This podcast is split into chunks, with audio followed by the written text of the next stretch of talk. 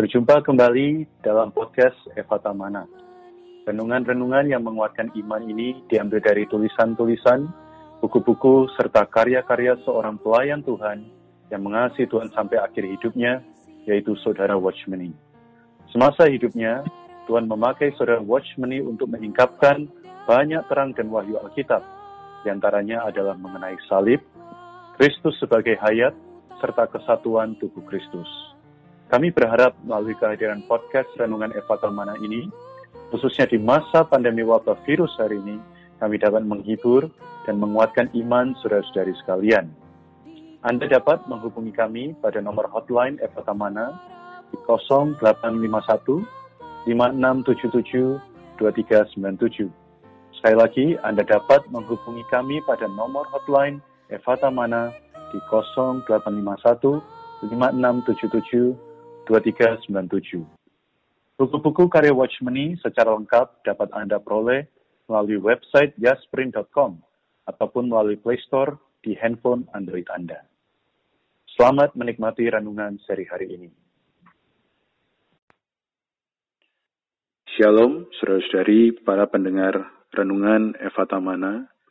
Hari ini saya Moses dan rekan saya Jeffrey, kami kembali bersama-sama hadir untuk merenungkan dan juga membahas mengenai satu topik yang menarik dari serangkaian uh, seri dari buklet doa kuasa.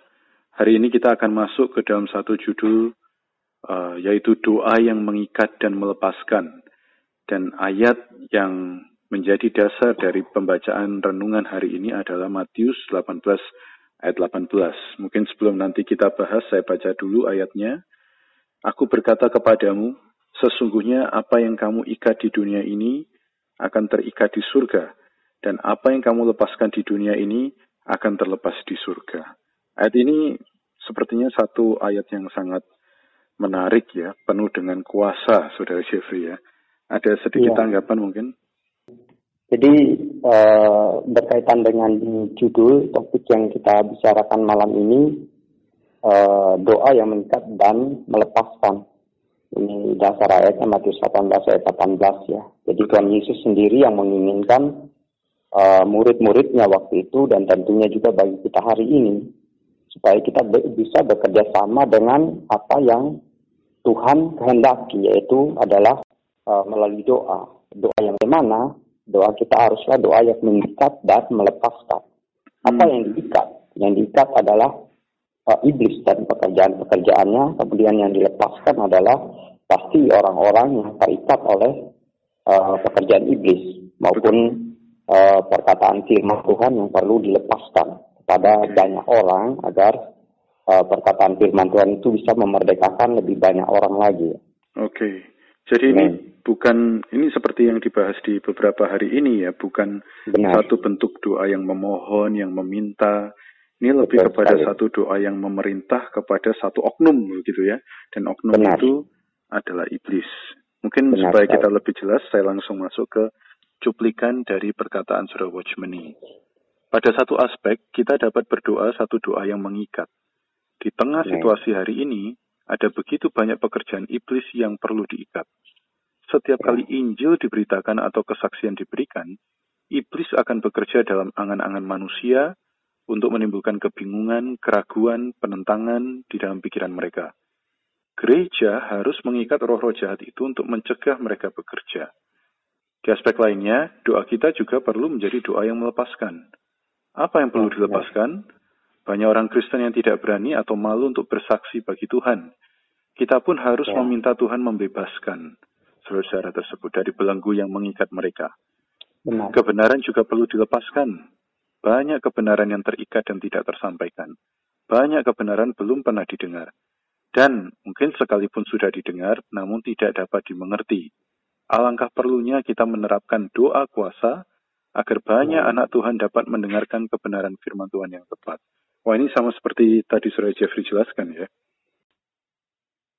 Jadi baik, uh, betapa pentingnya kita hari ini anak-anak Tuhan, orang-orang yang percaya sebagai sebagai anggota tubuh Kristus atau gereja bekerja sama dengan Tuhan untuk berdoa mengikat dan melepaskan ya kita mengikatkan mengikat pekerjaan iblis yaitu salah satunya di dalam pengalaman saya adalah ketika memberitakan Injil ya. Ya memberitakan Injil itu gak mudah karena iblis itu berusaha menghalangi untuk orang percaya ya melalui dengan pikiran uh, segala hal lah ya disuntikan supaya menghalangi orang percaya kepada Injil. Uh, tetapi saya dan teman koordinasi saya, teman biasa keluar memberitakan Injil.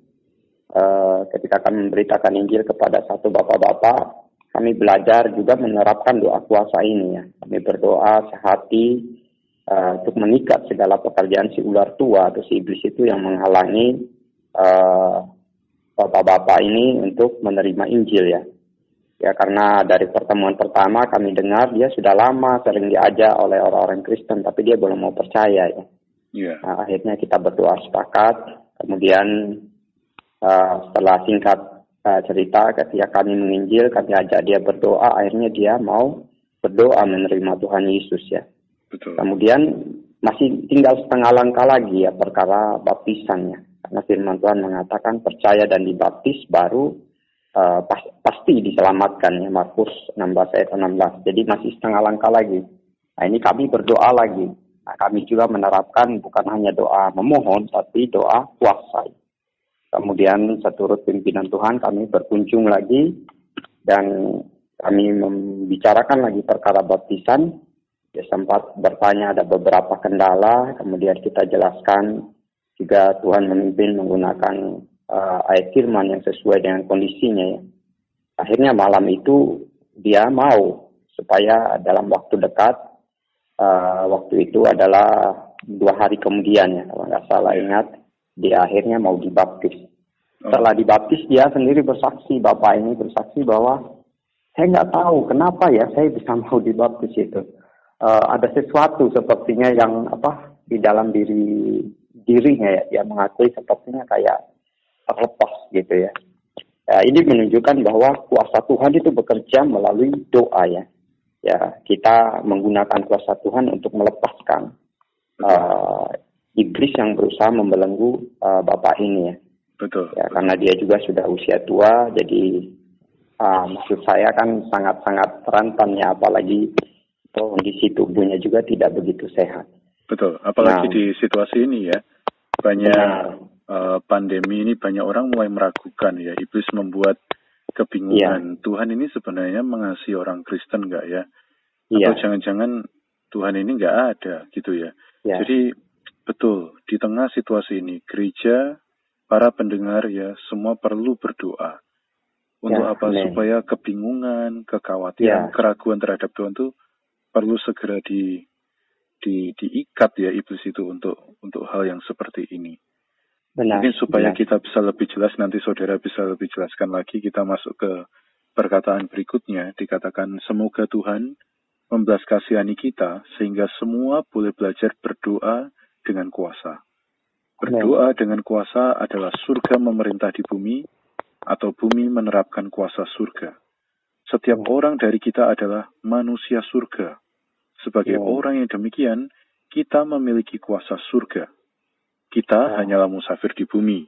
Karena itu setiap orang yang di dalam nama Tuhan adalah wakil Tuhan di bumi, kita adalah duta-duta Allah. Kita memiliki hayatnya dan telah dipindahkan dari kerajaan gelap ke dalam kerajaan anak yang terkasih. Itulah sebabnya kita memiliki kuasa surgawi. Semoga Tuhan memberi kemurahannya kepada kita sehingga kita bisa menjadi pejuang doa bagi Tuhan. Wah ini perkataan penutup yang sangat baik ya saudara ya. Iya. Ya, di sini dikatakan semoga Tuhan memberi kemurahannya kepada kita sehingga kita bisa menjadi pejuang doa bagi Tuhan. Amin. Jadi Tuhan hari ini membutuhkan orang-orang bekerja sama dengan Dia menjadi pejuang doa ya. Betul. Ya, uh, perkara ini tentu adalah proses belajar. Kita perlu belajar menerapkan doa kuasa ya. Jadi saya ingin menekankan perkara ini uh, bagaimana kita bisa belajar berdoa kita perlu mengenal kehendak Tuhan ya. Ya kehendak Tuhan ini melalui uh, kita perlu setiap hari datang pada firman. Melalui firman inilah kita mengenal kehendak Tuhan sehingga doa kita adalah berdasarkan kehendak Tuhan bukan berdasarkan keinginan kita. Betul. Kalau berdoa berdasarkan kehendak Tuhan, maka kuasa Tuhan pun pasti akan bekerja ya. Uh, kita melihat di sini dikatakan bahwa kita juga adalah duta ya, wakil Allah ya, wakil Allah di di, di bumi ini ya. Artinya tanpa uh, kita, tanpa anak-anak Tuhan berdoa, maka uh, Tuhan juga sulit bekerja. Betul. Uh, khususnya hari ini situasi hari ini ya, situasi COVID-19 ya. Uh, kami beberapa waktu ini terus berdoa ya. Kita perlu berdoa supaya uh, apa supaya penyakit ini segera berakhir ya. Uh, karena Tuhan juga menginginkan uh, anak-anaknya bisa hidup di dalam situasi yang uh, damai, situasi yang tenang. Betul. Ya.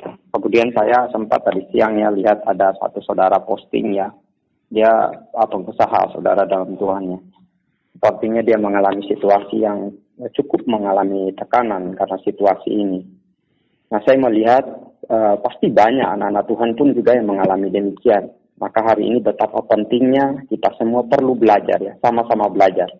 Belajar berdoa kuasa ya. Kita berdoa agar segala kekhawatiran itu dilepaskan. Ya, Betul. karena kita hidup di bumi ini bukan untuk memikul kekhawatiran, tetapi kita hidup di bumi ini supaya kita dipenuhi dengan damai sejahtera surgawi. Yeah. Dan kita menjadi orang-orang yang ya berbagian di dalam pekerjaan Tuhan, ya, khususnya di dalam perkara berdoa, supaya kehendak Tuhan ini bisa rampung di atas muka bumi. Amin. Ya. Wah ini benar-benar sungguh perkataan yang memberkati. Ya kami harap para pendengar dari podcast Renungan Eva Tamana ini juga bisa diberkati. Mereka tahu bahwa bukan hanya kita berdoa untuk mencampakkan gunung itu ke laut, seperti seri sebelumnya, tapi hari ini kita juga bisa melepaskan kekhawatiran. Seperti tadi kata saudara Jeffrey ya, dilepaskan kekhawatirannya, dilepaskan keraguannya. Tapi masalahnya ini bukan doa yang personal ya, ini harus dengan rekan. Karena pejuang doa itu tidak sendirian tadi ya. Benar. Saudara Jeffrey ada rekan doa, akhirnya bisa membawa orang yang tidak percaya Tuhan bisa percaya bahkan menerima keselamatan. Ya kami berharap melalui pelayanan Eva Tamana, saudara-saudari pendengar, Anda bisa mulai memiliki rekan-rekan doa entah itu di tempat Anda berada, di komunitas Anda berada, atau jika Anda tidak memiliki rekan untuk berdoa, ingat di dalam uh, Eva Tamana kami menyediakan pelayanan untuk konseling dan doa. Anda boleh menghubungi nomor yang sudah disediakan di sana. Ya sebagai penutup, kita bisa minta Saudara Jeffrey untuk berdoa supaya firman yang dilepaskan ini bisa benar-benar memberkati para pendengar di seluruh Indonesia. Kami persilakan saudara. Baik kita satu dalam doa. Tuhan Yesus, kami mengucap syukur padamu Tuhan. Oh, hari ini Engkau mengajari kami lagi perkara doa kuasa Tuhan.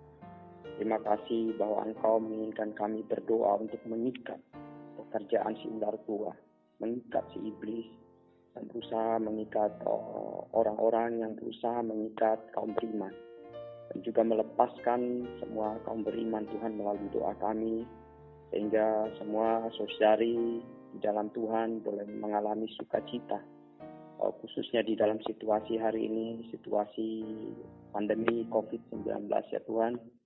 Ialah mereka juga boleh mengalami sukacita yang daripadamu. Meskipun situasi di luaran belum berubah tapi hati mereka diteguhkan. Roh mereka dikuatkan. Sehingga mereka semua bisa melampaui situasi yang ada. Tuhan Yesus, berkatilah seluruh pendengar di seluruh Indonesia ya Tuhan. Semoga kami semua boleh belajar untuk berdoa, menerapkan doa kuasa ini Tuhan. Terima kasih Tuhan Yesus, di dalam namamu kami berdoa. Amin. Amin. Terima kasih Saudara Jeffrey, sampai berjumpa kembali. Sekian podcast Renungan Eva Tamana pada hari ini. Kami akan hadir kembali pada seri berikutnya. Jika saudara-saudari ingin mendapat pelayanan doa dan konseling, Anda dapat menghubungi nomor kami pada 0812 155 7000. Sekali lagi, 0812 155 7000. Kasih karunia Tuhan Yesus Kristus menyertai kita semua.